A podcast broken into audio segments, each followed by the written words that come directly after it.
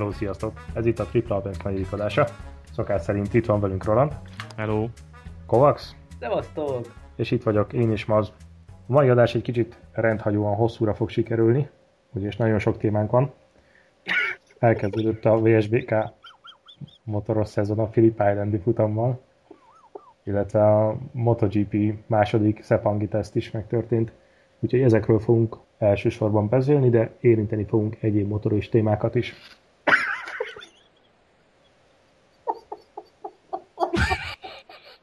Nem baj, ez jó volt, jó volt a bevezető.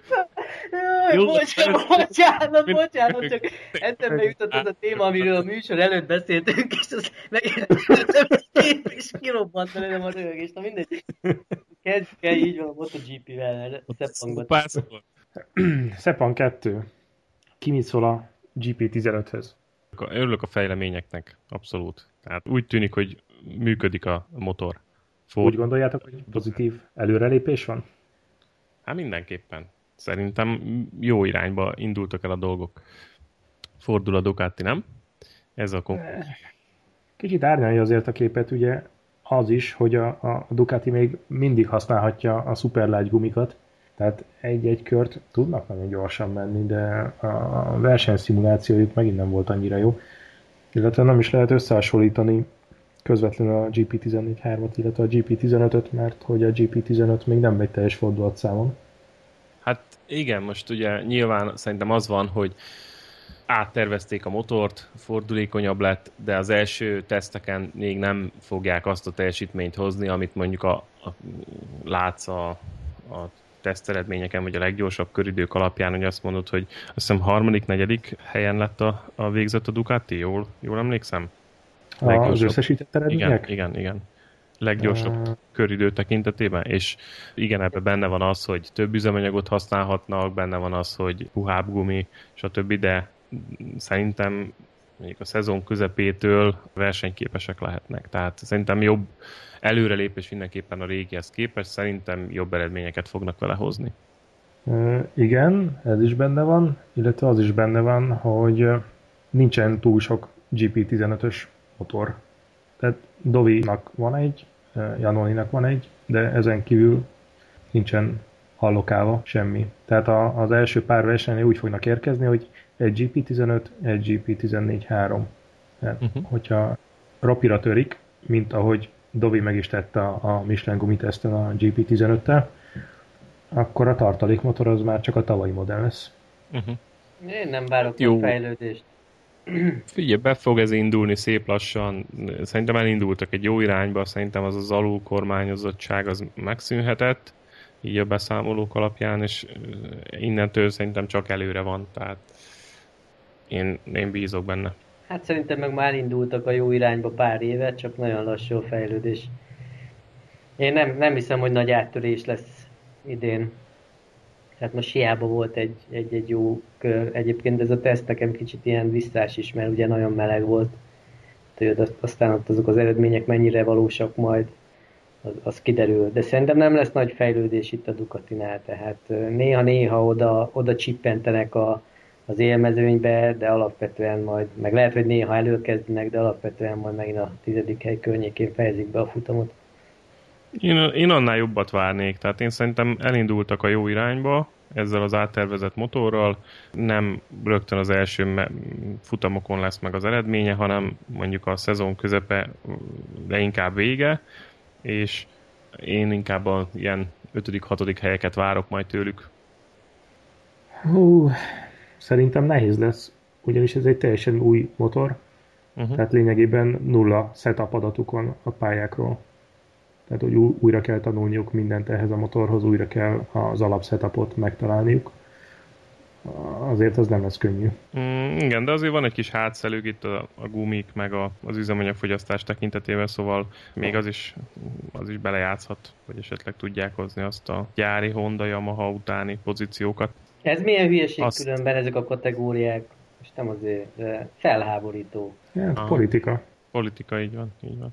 De azt tudod, hogy azt hiszem úgy van, ugye, hogyha egy első helyezés, vagy két második, vagy három harmadik helyezés után elveszik ezeket az előnyöket tőlük. Ugye? Na jó, hát nem kell, félni, nem kell félni. Igen, szerintem valószínűleg ezek a, a kedvezmények ki fognak tartani végéig náluk, de nem mindegyik kedvezményt vesz, veszítik el ezeknél az eredményeknél. Most nincs előttem a táblázat, illetve fejből nem tudom, hogy, hogy pontosan hogy van, de amit kaptak kedvezményként, az megkapják a, a lágyabb gumikat, ugyanaz, mint az Open csapatok, több üzemanyagot, illetve nincsenek hat motorblokkra korlátozva az egész évben, valamint nem kell a, a közös ecut használniuk, hanem ugyanúgy saját e, szoftverrel mehetnek, mint a gyári csapatok.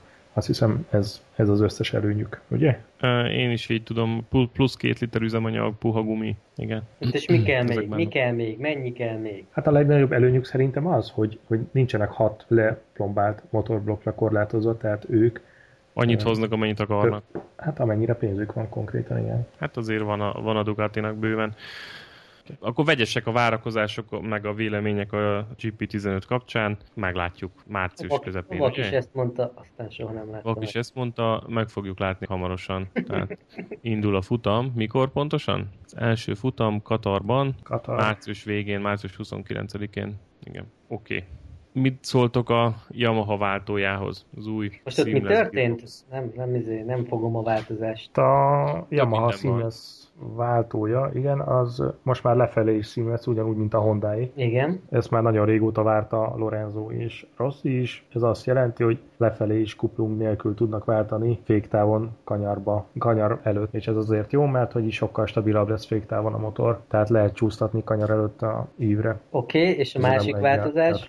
A másik változás, ahogy Roland ide leírta, hogy megváltozott a, a váltókiosztás. Igen, tehát ez egy kicsit hosszabb sztori, és ez már régebbre visszanyúlik, 2014 közepén voltak ezek a hírek, hogy most a Honda és a legutóbbi Yamaha Seamless váltók is már olyan váltósorrendre épülnek, hogy a hagyományos 1 üres 2, 3, 4, 5, 6 helyett olyan van, hogy üres 1, 2, 3, 4, 5, 6, uh-huh. és ez azért jó, mert a, néha úgy előfordult, hogy egyesből váltáskor fölfelé üresbe kapcsolhattak, vagy hogyha mondjuk túl sokat kapcsoltak vissza, akkor éppen üresbe maradt. És ne, ezek fordított váltók, tehát lefelé. Úgy értettem, hogy amikor mondjuk féktávon kapcsolgatsz visszafelé, és mondjuk elszámolod, akkor a 3-2, és akkor azt hiszed, hogy kettesben van, de közben visszaraktad üresbe. Tehát, hogy uh-huh hogy előfordultak ilyen hibák, hogy, hogy a visszaváltáskor egyel tovább kapcsoltak, és akkor gyakorlatilag üresben lett a motor, és akkor úgy küszöbölik ki ezt a véletlen hibát, hogy, hogy az üres tették a legelső pozícióba, tehát a legfelsőbe, és azt csinálták, hogy van egy plusz kis kar bal oldalon a kormány markolat meg a kuplungkar között, ilyen viszonylag ilyen nehezebben elérhető helyen, és gyakorlatilag miután elindul a motor, utána lezár az üres fokozat, és nem tudod berakni üresbe. És csak akkor tudod berakni üresbe, tehát véletlenül nem tudod, csak akkor tudod berakni, hogyha megnyomod azt a kis kart. Uh-huh. És, és akkor engedi betenni uh, újra üresbe, és utána pedig, hogyha elenged, és csak megint fölváltasz mondjuk egyesbe, kettesbe, stb., akkor utána megint lezár az üres, és nem, nem tudod visszapakolni üresbe véletlenül. Az érdekes, nem, hogy tényleg ennyire előfordul még ezeken a motorokon is, hogy raksz egy üreset. Milyen égő már, mikor elindul valaki, nem, és akkor men akkor bedobja megint kettesbe. Én szerintem inkább, inkább ott fordult ez elő az üres, hogy mondjuk pakolja visszafelé a sebességeket 6, 5, 4, 3, 2, mondjuk egy lassú kanyarhoz érkezés, és akkor valami történik, meg megy ott a helyezkedés, meg, meg érted, féktávon, meg adrenalin az egekbe, és akkor hopp, ért nem tud oda nézni mondjuk a visszajelzőre, és akkor bum, egyet többet pakol vissza, és onnantól már üresben van a motor, érted? Azt hisz, hogy kettesben van, és akkor hopp, üres. Hát, hogy az, az fordult elő. beszélve, hogy ez rohadt balesetveszélyes, mert hogy ezeknél a versenygépeknél marhára számít a motorfék is a féktávon, tehát azok úgy vannak kicentízva. És hogyha nincsen motorfék, akkor abból csúnya bukta is lehet. Na, úgyhogy a, a, a lényeg az az, hogy tavalyi évben megjelent egy ilyen kis kar, a kuplungkar meg a markolat között, és úgy derült ki ez számomra, hogy, hogy olvasgattam, amit ma az ide belinkelt, hogy Lorenzo kipróbált egy ilyen új hátsó fékkar. Igen, hátsó igen, fékkart. Igen, igen, mert sokan vannak, akik kézi működtetésű hátsó féket használnak a, a GP-ben is, aminek az az előnye, hogy ugyanúgy, mint a, a fordított váltónál, hogy, hogy kanyarban egyszerűbb használni, akkor is, hogyha, hogyha egy erős jobb kanyarban mennek, ugye akkor viszonylag nehéz működtetni a hátsó féket, de hogyha ez fönt van a kormányon, és kézzel működtethető, akkor lehet azzal is befolyásolni a motornak a mozgását. Igen, és azt hiszem, hogy Lorenzo, ha jól emlékszem, nem, nem volt annyira elégedett vele, vagy nem győzte meg ez a technika. Igen, ez, ez egy kísérlet volt részéről, mert ő mindig is fékpedált használt, tehát lábfék volt a, a hátsó féke. Most kipróbálta ezt a, ezt a kard, de, de úgy tűnik, hogy marad a hagyományos megoldásnál. Majd betesszük ezt a képet a, a show notes-ba, amin látszik ez a hátsó fékkar, meg a, a kuplunkkal, és amikor én erre kerestem rá, én próbáltam még képeket találni erről, akkor jöttem rá, vagy akkor láttam meg, hogy, a, hogy van még egy ilyen kis kar, ami, ami most ezen a fotón éppen nem látszik, ami a, amivel az üreset tudod kapcsolni tehát az üreset kinyitja neked, és és egyébként azt mondják, hogy ugye egy a pont a Seamless Gearbox kapcsán, hogy a kuplung az már, már egyre kevesebb szerepet kap a, a, a versenyben, tehát gyakorlatilag elindulsz vele, és akkor utána onnantól Seamless föl le. Igen, hát most már a Yamaha és ugye Seamless lefelé is eddig nekik kellett használni a kuplungot lefeléváltásnál. Igen. Egyébként ezzel, a, ha jól olvastam, akkor ugye sokan, sokan próbálták már ezt a hátsó fékart. Duhan volt az, aki, aki elég, elég sikeresen ment ilyen megoldással, jól emlékszem? Én is Duhanról tudom. De neki kényszerből volt, Duhan. nem? Hát, igen, igen, igen, igen, az egyik igen. lába az alig mozgott, úgyhogy ő neki nem csak választása volt. De szerintem több pilóta használta így. Majd következő adásra összeszedünk egy listát, ha még érdekes lesz. Mit mhm. szóltok a, a Michelin gumiteszthez, illetve ahhoz, hogy átállnak majd a kvázi standard 17 incses kerékméretre? Hát a, uh-huh. a második része az nem tudom, azt te biztos jobban tudod, hogy mennyit számít, de ugye nem sokat tudni a Michelinről, mert aláírtak, aláíratok állítólag mindenkivel egy szerződést, hogy nem beszélhet magáról a tesztről. Nem beszélhet, és, és nem is volt hivatalos időmérés. Igen, annyi biztos csak, hogy estek keltek a srácok. Amit úgy nem is igazán értek, bár olvastam egy összefoglalót, és azt írták, hogy a, hogy a hátsó az rendben van, de az első az, az nem eléggé ragadós. Kíváncsi lennék egyébként, hogy a, a versenyzők erről mit mondanának, de ezt nem fogjuk megtudni még 2016-ig, amíg a szerződés köti őket a, a titoktartáshoz. Hát valószínűleg azt, hogy szar. Nem, tehát, hogy nem jó. Hát ennyire sarkosan nem fogalmaznék. Valószínűleg az vastagon benne van, hogy az elmúlt x évben Bristonnal mentek, most három napig mindenki Bristonnal ment, mindenkinek benne van a kezében, lábában a Briston gumiknak a tulajdonsága, és hogyha valaki egy másik, ez most lehetett volna Dunlop is, például, vagy Pirelli, hogyha azt raktak volna föl, valószínűleg azzal is estekkeltek volna, mert hogy annyira más a karakterisztikája ezeknek a gumiknak. Tudod, mit olvastam még? Hogy, hogy nem volt szerencsés a háromnapos teszt után tartani a gumitesztet, mert hogy mindenki tök fáradt volt. Hát azt nem csodálkozom rajta. Az összesített eredmény alapján a, leg, a legjobb versenyzők ilyen 170-180 körüli kört mentek a három nap alatt. Na, és hmm, csak ne felejtsük el, hogy milyen körülmények között őrületmeleg van. Na igen, és akkor az, ezt írta ez a, ez a cikk, hogy, hogy és akkor fölzavarták őket az új papucsokkal, ezek szegények már csak köröztek, mint egy fáradt őszi légy a pályán, elfáradtak fejben, aztán ment a csúszás szájon. Egyébként a nagy esések a, a gyors kanyarokban történtek, úgyhogy valószínűleg tényleg ilyesmi probléma lehet, hogy vagy az eleje nem annyira jó, mint amit megszoktak, és a gyors kanyarban terhelték, és azért pereceltek olyan nagyokat.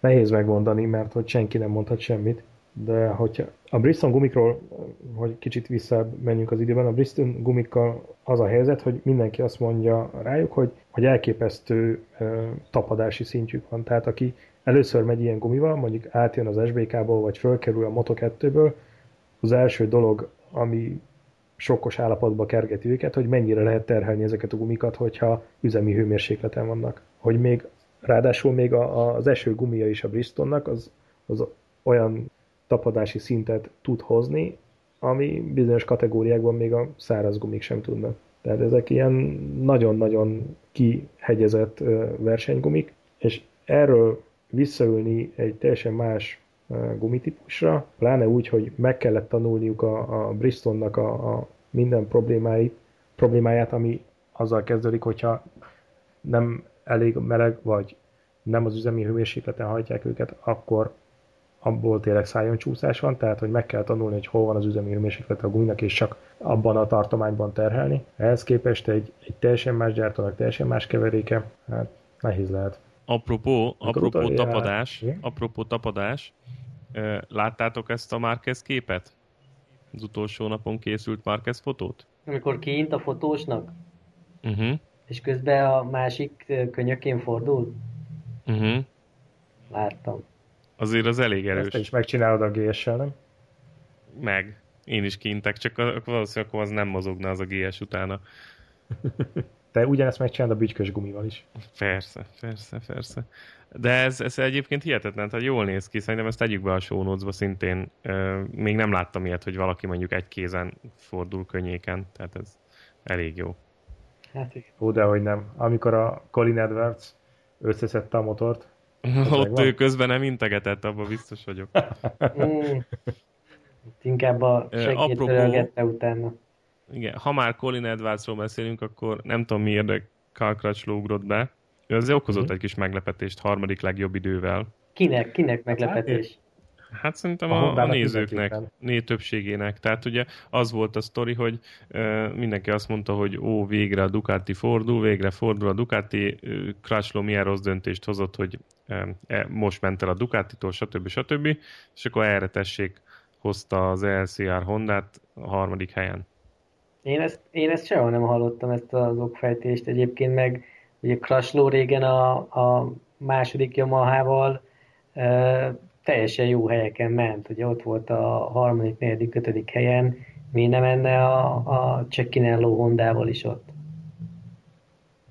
Hát ott is megy, úgyhogy jó hír. Szerintem ez, ez, tehát ez egy jó hírnek értékelem, és örülök neki, hogy, hogy ha van esélye jó szereplésére. Hogy, úgy gondoljátok, hogy lehet belőle futam győztes? Nem. Mm, én azt mondom, hogy ha valami nagy gebasz történik, mint ahogy mondjuk Talma Mugello-ba 125-ös kategóriába ugye a negyedik helyről be tudta hozni az elsőre a motort, úgyhogy ugye ketten elestek előtte, egyet meg előzött, akár még össze is hozhatja egy, egy futamon.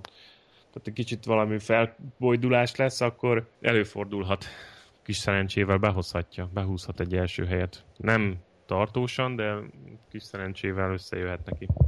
Szerintem még nem tartott. Hát de Valószínűleg már tök öreg, tartott, de mikor fogod tartani? valami, érted, lesz egy olyan verseny, mint amikor a, tudod, múltkor ketten is a gumipókerbe veszítettek, egy elesik előtte, akkor lehet, hogy behozza. Tehát, Hát igen, csak de ez megint az volt akkor is, amikor a gumipókeres esős futam volt, hogy a Ducati ugye jó ment az esőben, illetve ö, hasonlóképpen gyengült a teljesítménye, mint a jobb motoroknak, tehát versenyképes volt, és a második helyről is sikerült eldobni a, a Ducatit. Tehát simán behozhatta volna Rossi mögött egy második helyre, ami egy tök jó eredmény lett volna nekik, és elbénázta. hát persze, de lehet, hogy összejön. Nem, bír, nem bírja a stresszt, a nyomást. Meglátjuk, meglátjuk. Most szerintem van benne tűz, hogy, hogy odaérjen. Hát, Szerintem most meg akarja mutatni. szerintem. Tehát neki szerintem ez ilyen utolsó esély kb. Úgyhogy itt szerintem ő meg akarja mutatni, hogy azért, azért oda, oda teszi magát. Valószínűleg gyári pilóta nem lesz belőle. Hát gyári már nem lesz, mert azok az esélyei megvoltak, de ő szerintem még most bizonyítani akar ezen a motoron. Tehát szerintem ami az ő motivációja, az az, hogy a Ducatikat elverje. Szerintem kb. ez önmagához képest ez, a, ez már ilyen eredménynek fog számítani. Igen. A Ducatikat és főként Dovit. Ja. Másik fotó, ha már a Marquez fotót néztük, 2007-es világbajnoki pózfotó a célegyenesbe, az megvan? Talma? Talma, Stoner, és 250-ben Lorenzo. Emlékeztetek erre? Tudom, hogy Igen. Én nem. Hát így, Én nagyon nem. a hármasra nem, de, de a Stonerre igen, meg a Talmára is. A Lorenzót akkor még annyira nem, nem néztem. Lorenzo-nak ez az első vagy a második címe volt 2007-ben. Mikor került fel a GP-be? 9-ben? Akkor ez az első volt, ugye?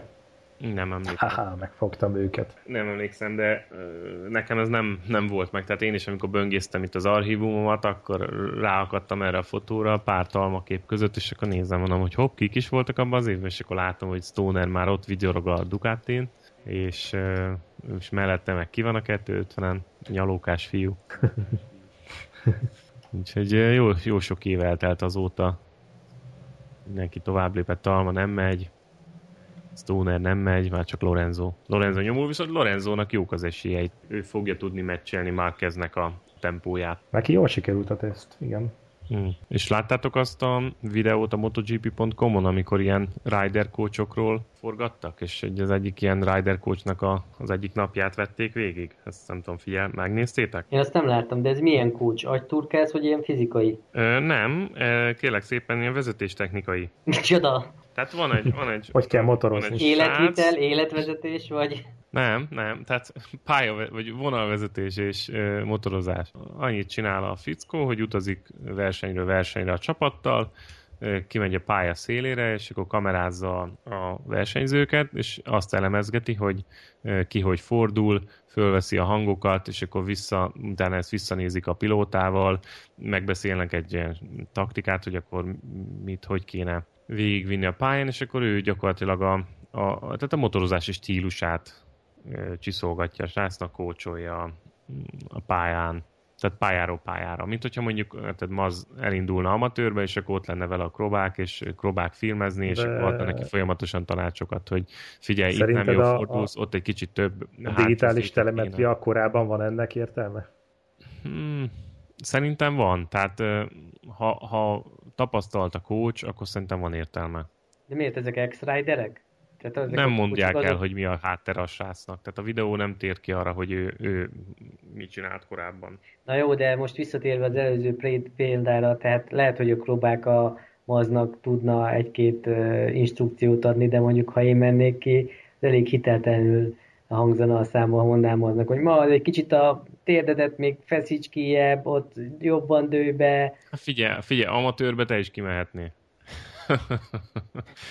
de nyilván MotoGP-ben nem, de itt a srác, tehát nem rossz itt kócsolja, hanem, hanem egy, az egyik fiatal fiút, most pontosan emlékszem, hogy kinek a kócs, kinek a kócsáról volt szó, de egy ilyen, ilyen junior, junior versenyzőnek a, a, az egyik kócsa volt, tehát csak egy ilyen érdekesség, hogy van, van a, ilyen mert van ilyen pozíció mint, hogy, mint, mint, hogy Talma mentorál fiatal pilótákat, és akkor mikor mennek különböző versenyekre vagy tesztekre, akkor Talma odáll a pályaszél, aztán mondja, hogy fiacskám, én itt már két sebesség fokozattal följebb vagyok, meg mit tudom igen, én. behúznám a hatodikat. Behúznám a hatodikat, igen.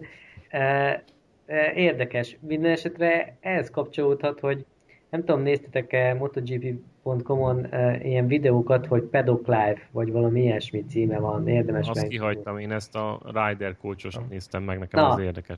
De a Paddock Live az igazából nem arról szólt, hogy Paddock Live, hanem gyakorlatilag minden ilyen uh, híresebb versenyzőt fogadtak kamerával, ahogy megérkezik a pedokba vagy a pályára. És ami uh-huh. érdekes volt, hogy majdnem mindenki valami csávóval, most a barátjával, vagy a kúcsa, vagy nem tudom én kivel érkezett, és nem, nem tudom, tehát kicsit olyan volt, mint egy kék osztrigobár az egész.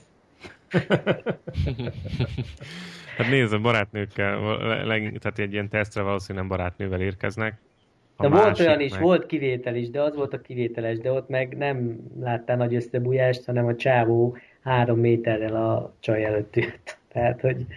Hát a másik, másik dolog meg az, hogy tudod, Talmának is volt e, sportpszichológusa, és e, biztos, hogy kell. Tehát ilyen coach, sportpszichológus, e, vagy valami, aki, valaki, aki támasztad, biztos, hogy kell, mert, mert azért elég nagy a nyomás rajtuk, főleg a versenyeken, szóval ez, ez nem meglepő számomra. Ja, mondjuk minden esetre az érdekes, amit a Maz mond, hogy ja, tehát gyakorlatilag bármit megnézhet a telemetriából, nem, nem így érdekes, hogy milyen plusz, plusz, pluszt adhat egy ilyen kócs, aki csak nézi, meg videózza, hogy hogy mész. Igen, meg ugye a telemetriádból az nem derül ki, mondjuk, hogy a másik versenyzők, akiket mondjuk úgy tudnál meccselni esetleg technikailag, meg, meg, meg képességileg, hogy ők, ők hogy mennek, és hogy mi a különbség a között, ahogy te mész, meg ahogy ő megy. És ugye belülről látsz valamennyit, de ö, lehet, hogy ott tud segíteni, hogy mondjuk ott összehasonlítjátok a, a kettőtök közti különbséget, és akkor kielemzitek, hogy na, akkor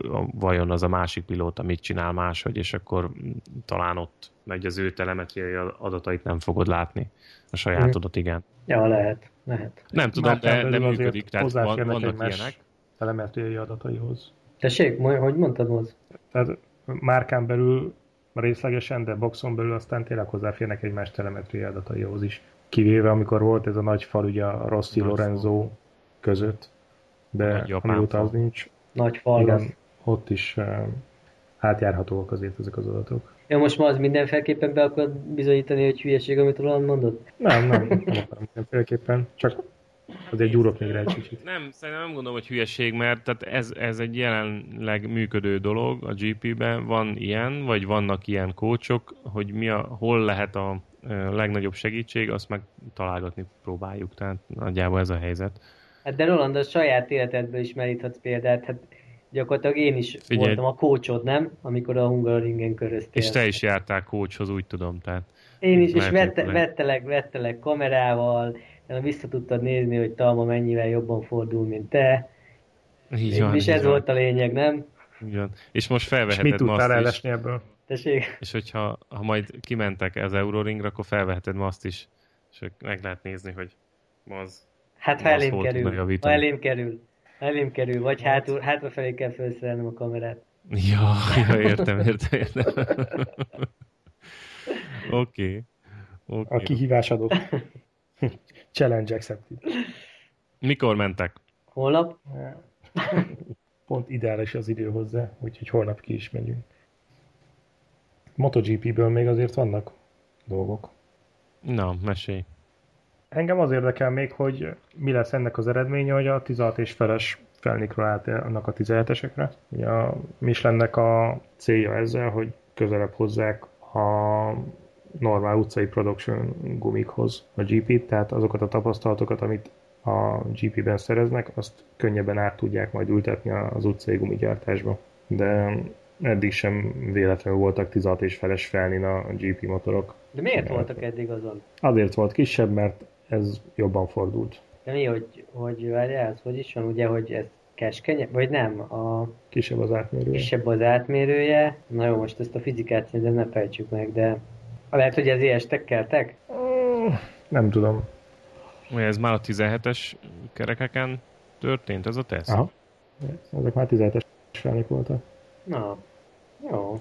Számomra ez a gumi téma egyébként most függetlenül attól, hogy, hogy mik vannak, meg hogy majd évek múlva itt gumi fog változni, és akkor annak milyen hatása vannak, ez ilyen halálosan unalmas volt mindig. Valahogy ez a, az a gumi, gumi kérdés engem soha nem foglalkoztat. Nem tudom miért, így nem, nem ragad meg abszolút, hogy addig talán úgy érdekes volt, amíg több, több gumis volt a rendszer, de onnantól, hogy egy gumis rendszer lett Bridgestone, aztán most aztán Michelin lesz majd pár év múlva, valahogy nem, nem tartom olyan izgalmas témának. De több függetlenül kell róla beszélni, mert, mert ez nagy változás lesz, de így csak engem személyesen hogy nem, nem annyira mozgat meg. Ez az egybeszállítós eh, rendszer szerintem sem jó egyébként. Az jó, hogy megszüntették ezeket a mm, verseny hétvégén a szombati edzés, alap, szombati edzés adatai alapján legyártott vasárnapi versenygumikat. Ez mondjuk sokat számított, mert azzal elég csúnyán szét lehetett verni mindenkit, de az, hogy átálltak erre az egy gyártós modellre, ez nekem sem tetszik. Jó, de ma az, de amikor meg ketten voltak, akkor meg, akkor meg tényleg az volt, hogy az egyik, amikor nagyon jó volt, akkor gyakorlatilag a másik az, az meggebethetett, akkor se tudott oda jutni. Tehát valamilyen, hogyha azt mondjuk, hogy a, hogy a gumi az egyik fő tényező a motorkerékpársportban, akkor, akkor adjuk már meg mindenkinek azt az esélyt, nem, hogy ugyanolyan gumival mehessen. Ez sem lett volna jó. teljesül teljes egészében most, mert most úgy tudom, hogy a Bridgestone leginkább a, a Hondáknak fekszik, és a Yamaháknak nem annyira. Na jó, de mégiscsak ugyanazzal mész. Hát ugyanazzal mész, de tehát a logó ugyanaz rajta, de mégsem azok az előnyök. Tehát a végcél igazából nem, nem teljesül olyan szempontból, hogy, hogy nem százszerzalékosan teljesül. Jó, de mégis így kiegyenlítettebbnek érzem azért az esélyeket mint amikor évelején, csomó, úgyis egy csomó szabálymódosítás van, évelején leszerződsz valakivel, berögzíted magadat egy pozícióba, egy gumigyártóhoz, aztán kiderül, hogy amit azt állít, az sokkal rosszabb, mint a másik, de gyakorlatilag el is ment az éved. Ez benne van. Hát az rendben van, hogy benne van, de mint néző nekem ez így nem tetszik. És az se tetszik, hogy,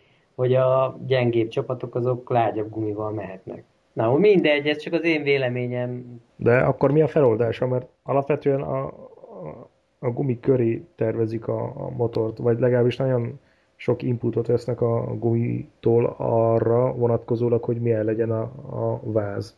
És ez innentől kezdve befolyásolja az egész motort.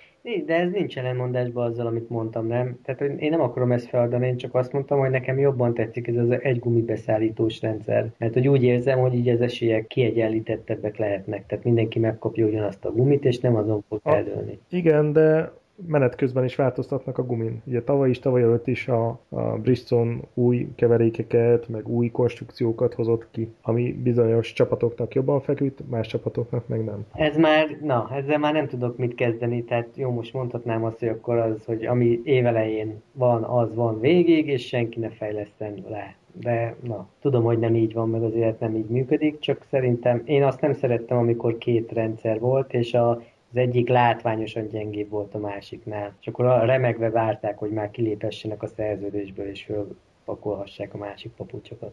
Hát, ebben is van igazság, de, de ez sem jó, hogy ennyire kötött a gyártó, és hogy ennyire favorizált valamelyik márka. Annak idején különben miért lépett ki a Michelin? Ugye Michelin volt benne, vagy a Dunlop volt, vagy ki volt? Mi volt? Michelin volt. Michelin, Michelin. volt. Nem azért, nem a természetes kiválasztódás miatt lépett ki a Michelin? Tehát, hogy ha van két fajt, két gyártó, és az egyik látványosan jobb, mint a másik, akkor előbb-utóbb mindenki elkezd a másik felé mozogni, és akkor mekkora égés nem, hogyha ott maradt és hivatalosan szállíthatná gumit, de senki nem akar tőled venni. Nem ez volt az ok? Hát ez már, ez már PR is meg, meg marketing, meg nagyon sok minden, de biztos, hogy nagyon benne sok van. minden van ebbe benne, persze. Tehát ez egy nagy, nagy szerződés a, a Dornával, meg a gumigyártók között. Most ennek, hogy pontosan melyik faktor, vagy milyen faktorok miatt álltak el a szerződéstől, vagy nem akarták, nem akartak részt venni a verseny sorozatban, hát az bizalmas. nem Na majd utána utána nézek, utána nézek, Hát ennek volt egy nagyon érdekes, ennek az egész gumiháborúnak volt egy nagyon érdekes fejezete, ami 2007 körül volt, amikor Stoner elkezdte a Ducatival nyerni folyamatosan a versenyeket, ő Bristol ment. Igen. Uh-huh. igen, igen. És a következő évben a Yamaha félig váltott, tehát Rossi Bristolra állt át, míg a, az Edv- akkor még Edwards volt mellett, ha jól emlékszem, ő maradt Michelinen. Tehát ilyen teljesen agyament helyzet volt. De ezek szerint a szerződés nem zárta ki, hogy a, a csapatban az egyik motor ilyen gumival menjen, a másik másmilyen. Csak hát nyilván ezzel meg kidobták az ablakon a, a, az összes setup adatot, amit az egyik gumitípussal gyűjtöttek, mert a másikra nem volt érvényes. Ja, érdekes sztori ez. Mondjuk azok is érdekesek, tudod, amikor egy-egy ilyen, ilyen hibás széria bekerül oda a MotoGP-be, mint Rosszinak, amikor egy nagy darab kihullott a gumiból, nem tudom, emlékeztek el Mm, uh-huh. Az első keréken, ugye? Ja, ja, ja. És akkor nem is tudom mi volt, hogy kijött motor cserélni, nem? Vagy valami, vagy hogy valami hibás, aztán később vették, vissza is jött, akkor később vették észre, hogy a gumi volt. Azt hiszem Lorenzo is járt így valamelyik versenyen tavaly. Igen. Igen. Na mindegy. Hát ezt is véletlenszerűen sorsolják, tehát hogy ezt nem, nem névre szólóan kapják. Persze. hogy is, régen, valaki odalopozott éjjel a boxba, és kivágta egy pengével. Tudti, hogy valami ilyesmi van. Ez egyébként érdekes, nem, hogy vannak ilyen, ilyen, tehát hogy az ilyen MotoGP szintű versenyeken is vannak ilyenek, mint amikor emlékeztek a Rossziék fölgumizták a rajtkockát robogóval. De azért meg is büntették, hogyha jól milyen, milyen botrány lett belőle. Hát persze, mert Zsibi beköpte őket, nem? Persze, és akkor Zsibi beköpte, tehát látták, hogy valaki ott okosít a, a rajtrácson az ének évadján. Valaki ott füstöli a robogógumit a rajtrácson. Pontosan. Más... Hát, azért érdekes, nem, hogy ilyen kis házi, házi kis praktikák is azért vannak a, a MotoGP-ben. Én azt el tudom képzelni, hogy ebben nem volt semmi tudatosság, csak csúnyán becsápoltak a srácok a boxban éjjel, aztán persze, persze. Szerintem ők is, ezt, ők is ezt mondták a végén, amikor bíróság előtt álltak. Hát ezek a kis színesek azért ettől, ettől olyan jobb, jobb az egész, nem? Nem olyan steril. Aha. Viszont, viszont ez az, ami szerintem megkülönbözteti a MotoGP-t a Superbike-tól. Mert a Superbike-ban sokkal ilyen, sokkal ilyen hangulatosabb, meg családiasabb az egész. Tehát, hogy... Azt láttam Ridi képén. Jobb a kósz.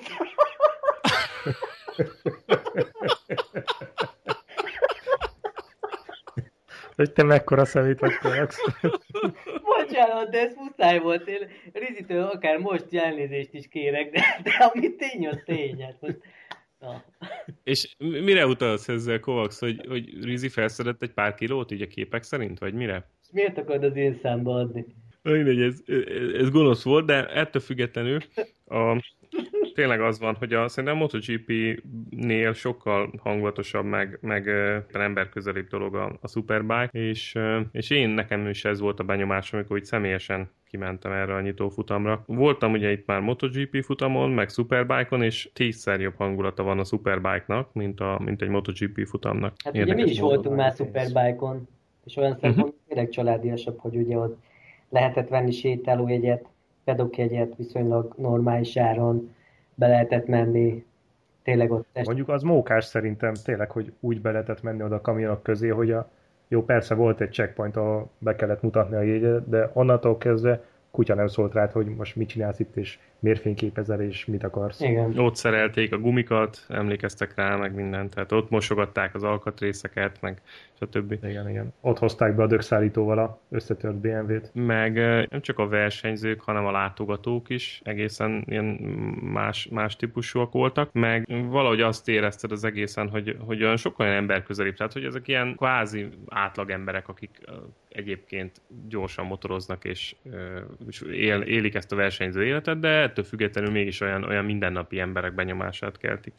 És uh, valahogy ez a MotoGP-be ez nem, nem jött át soha, tehát ott sokkal inkább az, hogy atya úristen, ezek sztárok, de a, a Superbike-ban ez ilyen sokkal, sokkal barátibb az egész hang, hangulat, úgyhogy uh, tök, jó, tök jó volt, én, én ki fogok menni a következőre is, és, szeretnék több napra kimenni. Mert, uh, az is benne van, hogy a, ez a pár óra azok tényleg sztárok. Tehát a, a négy szupermenő uh, UFO, azok valószínűleg, nem valószínűleg biztos, hogy, hogy teljesen más kategóriában versenyeznek, mint bárki más. Tehát, hogy a, most az SBK-ból odarakhatod a világbajnokot, és nem tud labdába rúgni mellettük, még hogyha ugyanaz a motor. Igen, igen, így van. Ez így van. Ez így van. Hát minden esetre megvan ez a, ez a, ez a B-liga, ez a Superbike.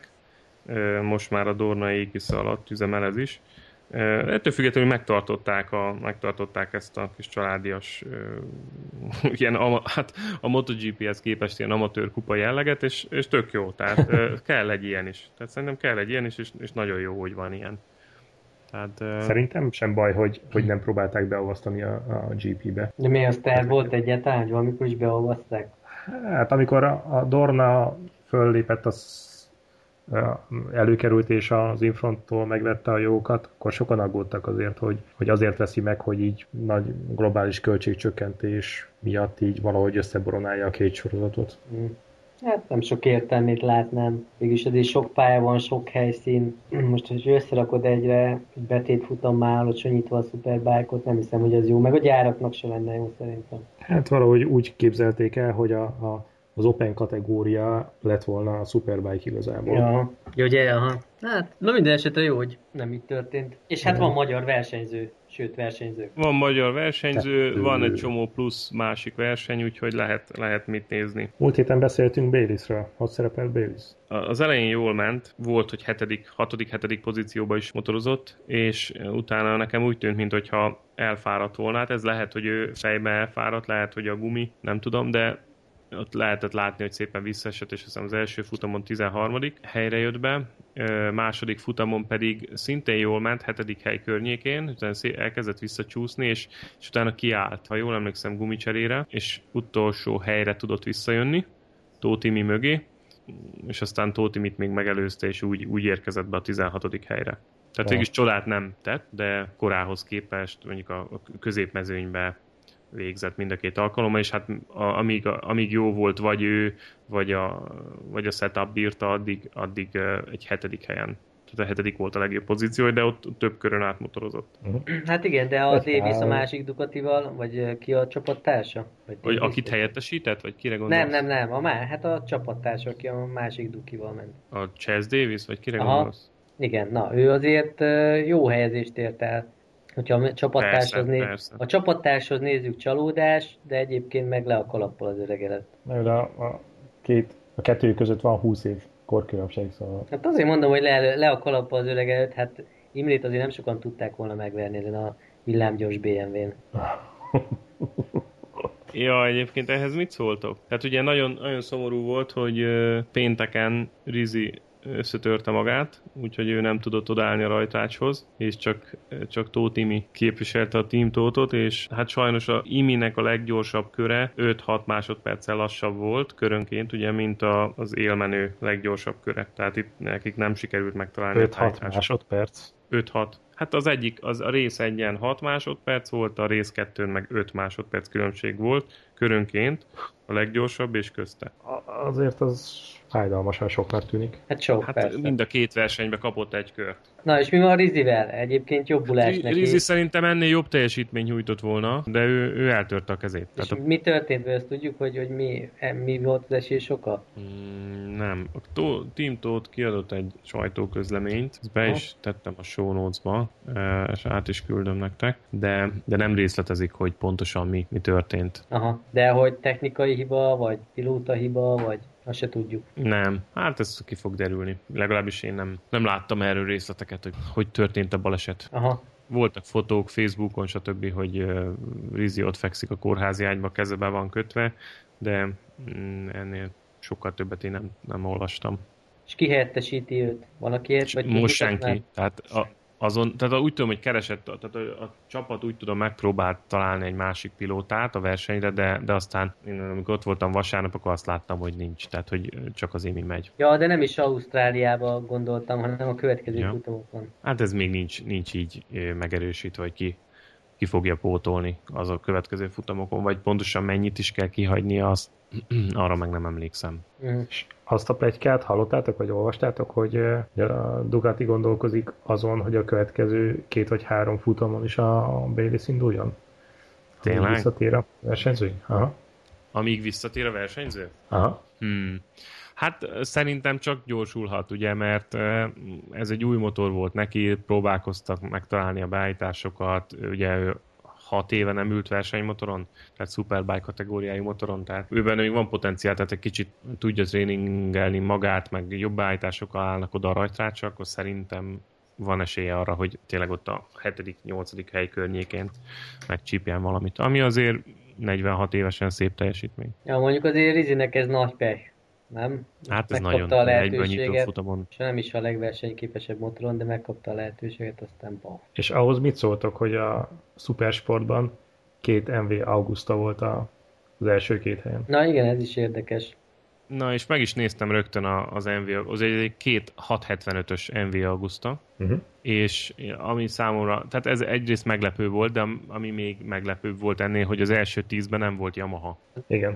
Várja. volt 600-as. 675-ös, de ez 600-as kategória, nem? Hát, de a, a Triumph is 675-össel indul. Na, de azt mondom, hogy akkor van ez egy olyan, mint az 1200-as Ducati a Superbike-ban, nem? Igen, igen. Na, de hogy akkor van egy henger, de köpcenti előny, 675. nem? De ez azért van, nem? Mert ha, hogy három henger és 675, a másik meg sor 4 600. Hát értem én, hogy gőzgép. De mi hagyja? De mi Ez hajtja? politika, ez politika. A politika hajtja. Már megint politika? Már mondom, hogy mindenhol politika van. De az MV Augustához mit szóltok? Mondjon le. Nem tudom, hogy mekkora, mekkora változtatást, eh, mennyire lehet ebbe belepiszkálni a szupersport szabályok szerint. A, a motorba? Uh-huh. Hát ugye nem csak, a, tehát nem csak a blogban, hanem ugye az egész motorhoz mennyire lehet hozzányúlni szupersport szerint, mert, mert hogyha ha nem igazán, akkor, akkor az egy nagyon jó eredmény, és jó sikerült az a motor. Hát nyilván sok köze nincsen az utcai kivitelhez, azon kívül, hogy homologizáltnak kell lennie. De én csak azt tudom mondani, hogy a, a, a 600-as Yamahák, az R6-osok gyári kivitelben ilyen 125 lóerő körül vannak, a, a Supersport Racetreamben meg jóval 140 fölött. Tehát azért van abban okosítás. Figyeljetek már, és ebben a kategóriában a Suzuki nem is indul? Láthatólag nem. Érdekes. De a Yamahának sincsen gyári csapata szerintem. Tehát, hogy ezek mind... Ami nekem viszont érnek a- tetszik, ebből az F3, ugye F3 675 ö, nyert, Aha. Ugye, és ö, ebből van, az F3-ból van egy ö, 800-as Agostini kiadás, ezt nem tudom, láttátok-e? Szerintem marha jól néz ki. Mindjárt átküldöm a linket. Egyébként a 675-ös F3, ez úgy látom, hogy 128 lóerő a stock, és akkor ahhoz arra jön még rá az okosítás. Jó néz ki. Ú, ennek nagyon szép a festése.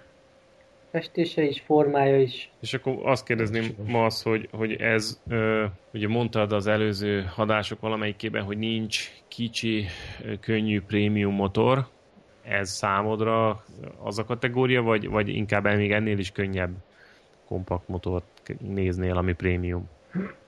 Ez az, amire azt mondtam, hogy az NV Augusto szerintem azért nem számít tömeggyártásnak. Uh-huh. Megbízhatósági aggájaim vannak leginkább. Hát meg ez egy sportmotor, nem? Hát figyelj, egy, egy, egy futamot kibír, láthatóan. Ú, nagyon jól néz ki ez a festés, ez a, ez a agó kiadás, ez Menj tovább a képeken, láthatod az öreget, ahogy hasít vele a pályán. Én csak azt látom, hogy dedikálja éppen a tankot. Nem, tovább, még egy kicsit annál. Hát ez, ez műalkotás, tehát ez tényleg olyan szép, hogy hihetetlen. Hát az a három kipufogó a, a jobb oldalán, az mennyire vagány már. Á, meg ezek a magnézium színek, nem is tudom, hogy ez magnéziumból van-e, vagy magnézium csak a szín, de, de gyönyörű részletek kidolgozás, stb. Tehát ez, ez egy jó motornak tűnik. Igen, igen. Nem rossz. Fincsi. Fincsi. Úgyhogy kéne. Igazából kéne egy jó 800 300 darabos limitált kiadás, úgy látom. Azt írja, hogy 19 ezer font. 19 ezer font. font. Sok. Na, ahhoz már nem sokat kell hozzárakni, és vehetsz belőle egy 2001-es NSR 500-as kétütemű GP motort. 85 ezer fontért árulnak egyet az eBay-en. Uh-huh. Ez hol találtad? Ez egy Twitteren lőttem valahol, valamelyik uh, Honda kereskedő árulja Aha. ezt a motort, teljesen résztrimben, és ez egy gyári NSR motor, tehát a HRC csapata volt, ők versenyeztek vele, uh-huh. és ugye mivel ezek prototípus motorok, ezeknél nincsen olyan, hogy, hogy standard konfiguráció, szinte minden egyedi rajta, és hogy ezzel a vázzal összesen három darab motor készült, és ez a kettes számú ebből a háromból. Ezt is be fogom rakni majd a sónózba. Komoly. Komoly. Azt a műszerfalat nézzétek meg, egy darab váltófokozat, visszajelző meg egy fordulatszermérő és semmi más. Hát igen, szép formája az öngyilkosságnak. Mennyi volt az két ütemű 500-osoknak a teljesítménye? Ilyen 170 lóerő körül volt csúcsa, ugye? Igen, csak hát ugye jóval könnyű, tehát nagyon könnyűek voltak. Hát de nulla elektronika. Azok voltak az igazi idők. Amikor a csuklódban volt az elektronika. Ja, persze. Most már ezért diploma kell egy motorhoz, egy utcai motorhoz is. Túl, mint az új M1 azt láttátok az új eredjek? Igen, a... igen, igen. Apropó, még ide, a, még ide az NSR 500-hoz hagy, hagy kapcsolódjak már vissza annyiban, hogy itt Ausztráliában nagyon sok ilyen verseny kétütemű kapható, tehát pontosan ebbe az űr árkategóriába. Valószínű az, az lehet, hogy a gyűjtők ugye a Japánból felvásárolják az ilyen kétüteműeket. Itt a, van ez a bikesales.com.au nevű uh-huh oldal, és ott rendszeresen lehet látni ilyen, ilyen hasonló vételeket. 500-asok, 250-esek, nagyon sok van. Nagyon, nagyon drágák. Ezek, tehát ilyen, de ezek mind mennek a vitrínbe, gondolom. Tehát, so, biztos, hogy sokan mennek a vitrínbe. Egyébként lehet, hogyha majd látok ilyet, akkor legközelebb be, belinkelem én is a show mert vannak ilyen igazi, igazi gyöngyszemek, meg restaurált motorok, tehát sokan restaurálnak ilyen régi versenymotorokat, NSR 250-eseket, stb. És szóval ilyenekből makulátlan patika állapotban elég sok van itt Ausztráliában, amiket lehet látni, hirdetésekben árulják. Például még RS 250, tehát Aprilia RS 250-ből is nagyon-nagyon sok fut ilyen tényleg gyár, gyári vagy gyárihoz közeli állapotban. Tehát hihetetlen, hogy, hogy mennyire vigyáznak rá, meg karba tartják. Érdekes, érdekes dolgokat lehet találni néha az itteni használt motor.hu-n. Még tavaly előtt még láttam kint az Euroringen egy srácot RS250-nel, és beszélgettem vele, és ő mondta, hogy nála az úgy rendszeres használatban van, de nagyon ritka már Magyarországon is szerintem. Tehát, hogy nem nagyon versenyeznek két üteművel. Uh-huh. Tehát ez abszolút hobbi jármű lett. És azért nem, mert alkatrész és fenntartási költségek miatt sokkal jobban négy ütemű? Hát a, a karbantartás igény szerintem. Tehát egy kétütemű azért üzemórás blokkal, stb. stb. azért az macerás, hogyha nem értesz hozzá, akkor szerelő kell, tehát problémás. Egy, egy ilyen sor négyes japán meg rájössz, beindítod, mész vele időnként talajat cserélsz, aztán ennyi. Lényegesen kevesebb macera van vele, mint a, a két üteműekkel. Hmm, például látok egy 1900, most csak gyorsan rámentem, rákerestem, 1988-as Honda VFR 750R RC30, 32 ezer dollárért árulják. 750 az, az még ilyen Superbike kategória jelleg. Mikor jövök? 89? 88-as. 88. Fred Merkel?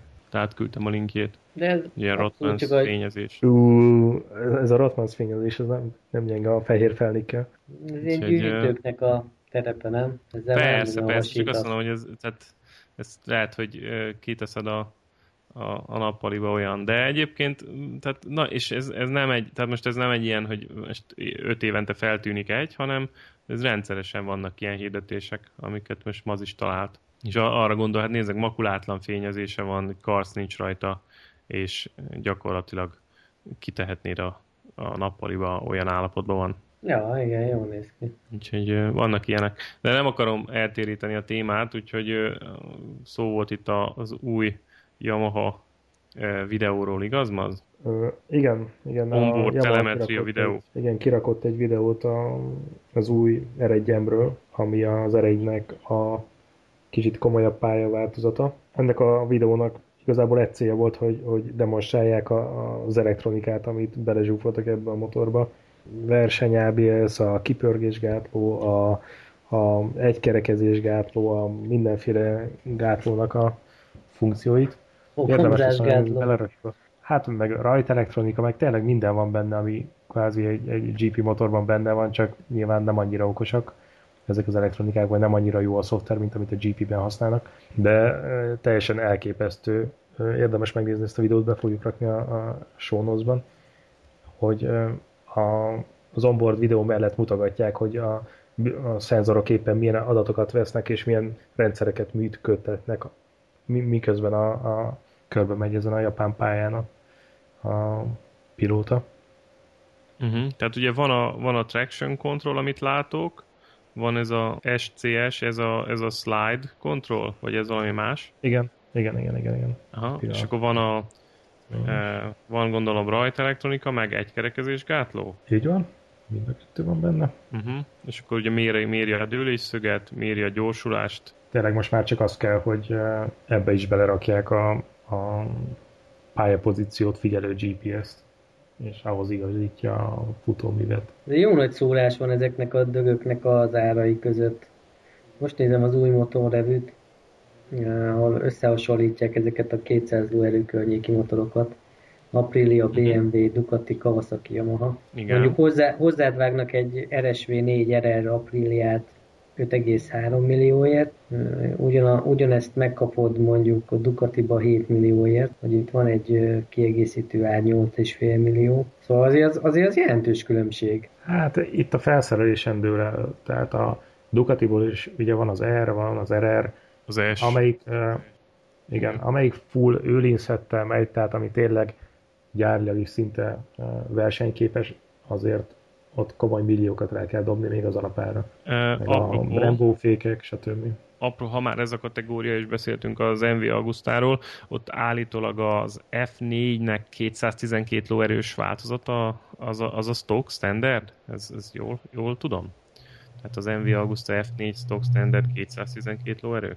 Ez soknak tűnik egy ezres motorból, de nem lehetetlen. Mindjárt megnézem. Mindjárt utána nézek, hogy pontosan mennyi is. De lehet, hogy én ezt rosszul tudom, és ez a Superbike kategória F4-ese. Hát az F4-ből ugye van RR, Igen, az F4 RR, ami tehát gyakorlatilag kitolhatsz a boltból, igaz? Az F4 Igen. RR, azt mondja a technikai specifikáció, hogy kérlek szépen 201 lóerő, 201 de mondjuk lóerő. a főtengelyen.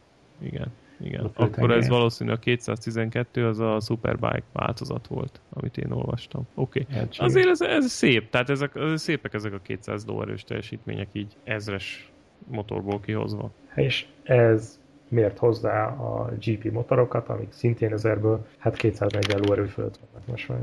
Igen, csak ugye az nem kapod meg a szalomba, ezt meg kitolod a szalomból, és gyakorlatilag igen. ráülsz, nem tudom, 20-22 évesen. Ebben az a durva, hogy tényleg ez egy olyan versenytechnika, és így szokott visszaköszönni mindig a- az autósporttal az összehasonlítás, hogy pár millió forintból fel tudsz szújni egy versenytechnikára, amíg az autónál ez nagyon-nagyon sokkal-sokkal drágább. Tehát összesen lehet hasonlítani azt, hogy mennyibe kerül mondjuk egy hasonló versenyszintet elérni négy keréken. Ha már beszéltünk itt ugye az Apriliáról, Kovacs említette az RSV Apriliát, az egyik kollégámról most a héten kiderült, hogy az Apriliánál volt gyakorlaton Olaszországban, és eh, hát itt ülünk a terembe, és akkor meséli, az ügyfélnél a projekt, projekten együtt dolgozunk, és akkor meséli a srác, hogy hát igen, amikor én még az Apriliánál voltam gyakorlaton, még évekkel ezelőtt, és, eh, és akkor elmesélte, hogy eh, például, ez egy jó, jó, jó, sztori, jó pofa sztori, hogy ugye az EU annó támogatta ezeket a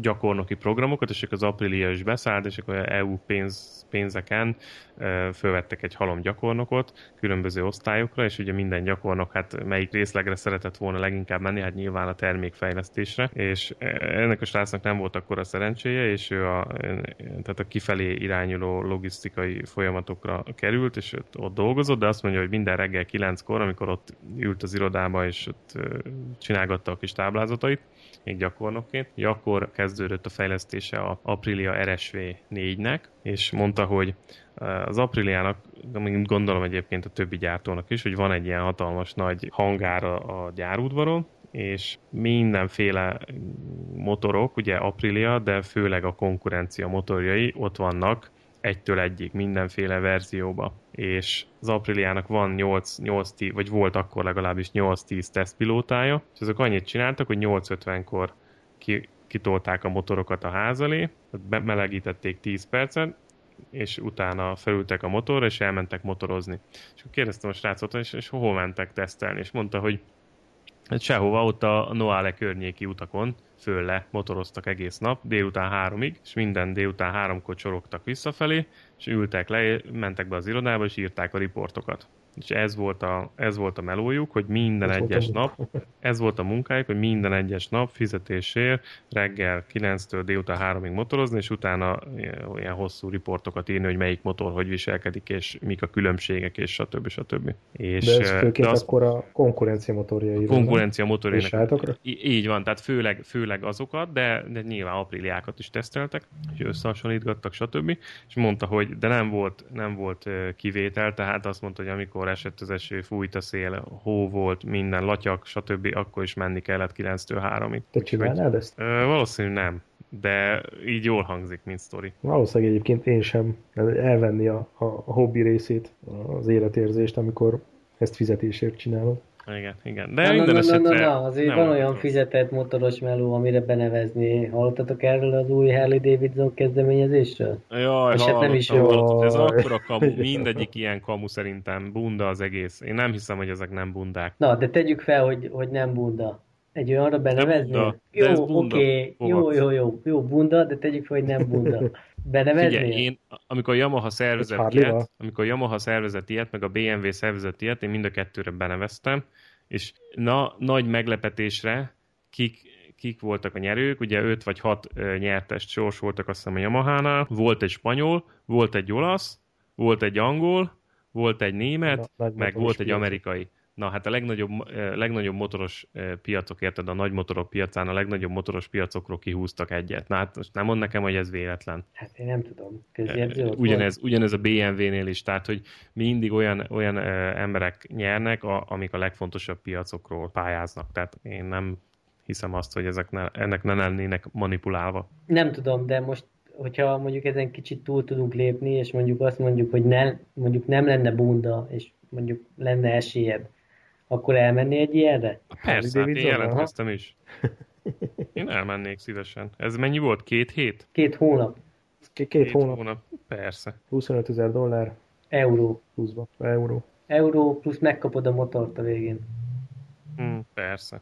Hát ki, most ki nem menne el, nem? Hát aki szeret motorozni, szerintem nagy része elmenne. Hát ez is érdekes, amit mondasz, mert én is gondolkoztam rajta, és, és azért uh, lehet, hogy a család miatt nem mennék el. De ti, ti friss házasok vagytok, te még lehet, hogy nem még így gondolod, de szerintem egy pár év múlva lehet, hogy azt mondod te is, hogy eh, persze elmenni. És két hónapot, azt, azt ki lehet bírni állva is, szóval az nem... Hogy állva? Vagy figyelj, hogy érte, hogy mehettek, mehettek ketten is, nem? Vagy mondjuk uh, párod megy, megy melletted kocsival, bármi. És gyerekek? Hát gyerekek is elférnek a kocsiba. Hmm. Na mindegy. Van oldalkocsis Harley Davidson is, nem? Jaj, hát erről, erről jut eszembe, hogy a, tudjátok, mit láttam? Amikor mentem a... Ö, láttam pár érdekességet a, a Superbike-on, például olyat, hogy oldalkocsis GS utánfutóval.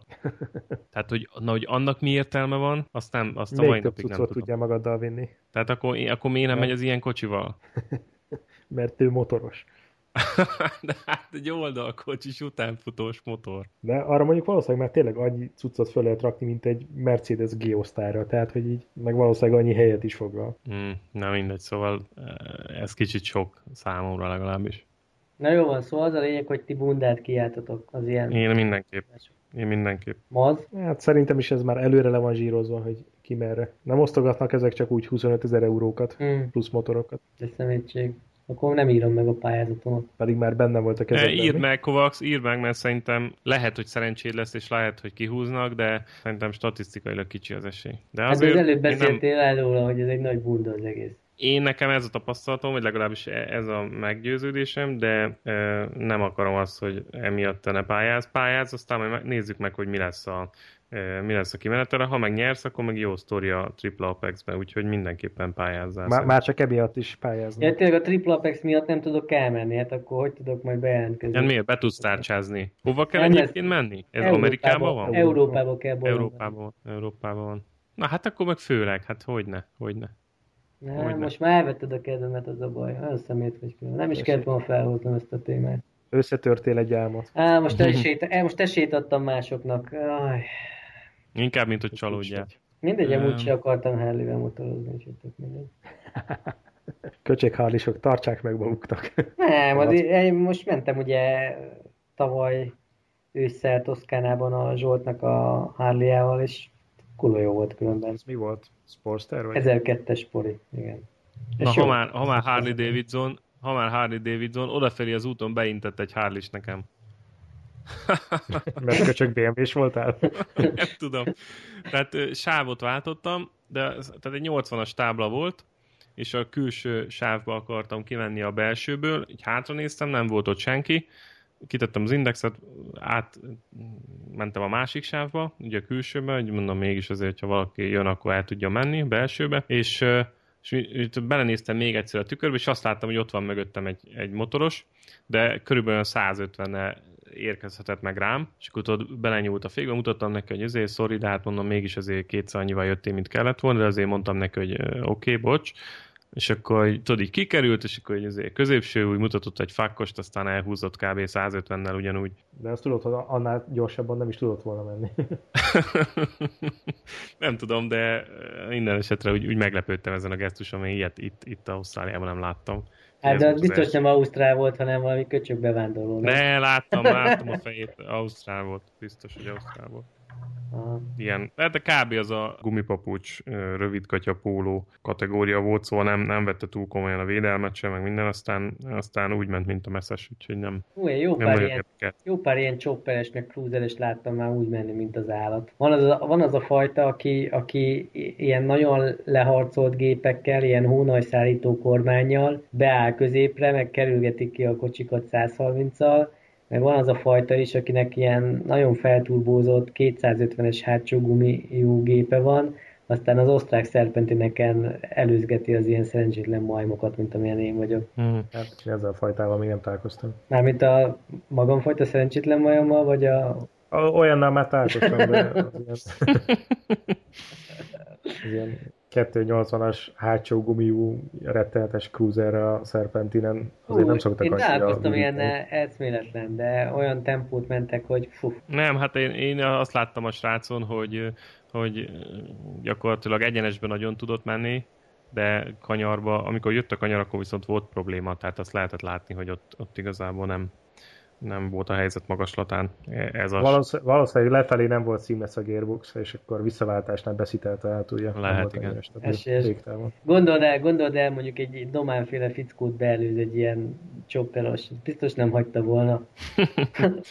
Hát igen, de veszély, tehát azért ez egy ilyen ö, szituáció nagyon veszélyes, tehát ö, ez egy 80-as, ö, nem lezárt ö, útszakasz, tehát nem autópálya, stb.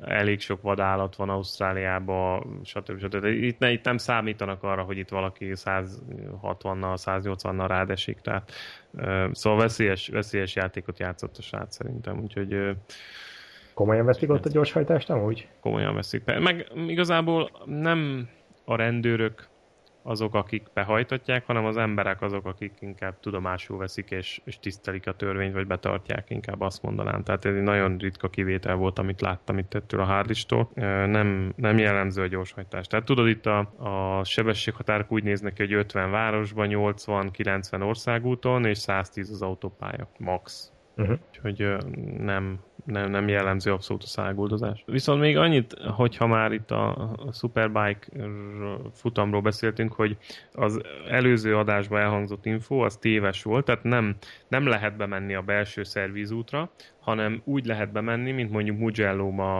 a versenypályára a, a lelátókhoz, tehát e, bemehetsz motorral oda, ahol egyébként a normál sétálójegyel sétálhatsz. Uh-huh. És és akkor ott, ott letámasztják a motorokat, ott sátoroznak, ott van, ott van minden. Ott van egy ilyen buli, tehát ilyen szempontból nagyon, nagyon jó a hangulata a versenypályának, de annál bentebb, tehát a belső szervizútra nem lehet bemenni a motorral.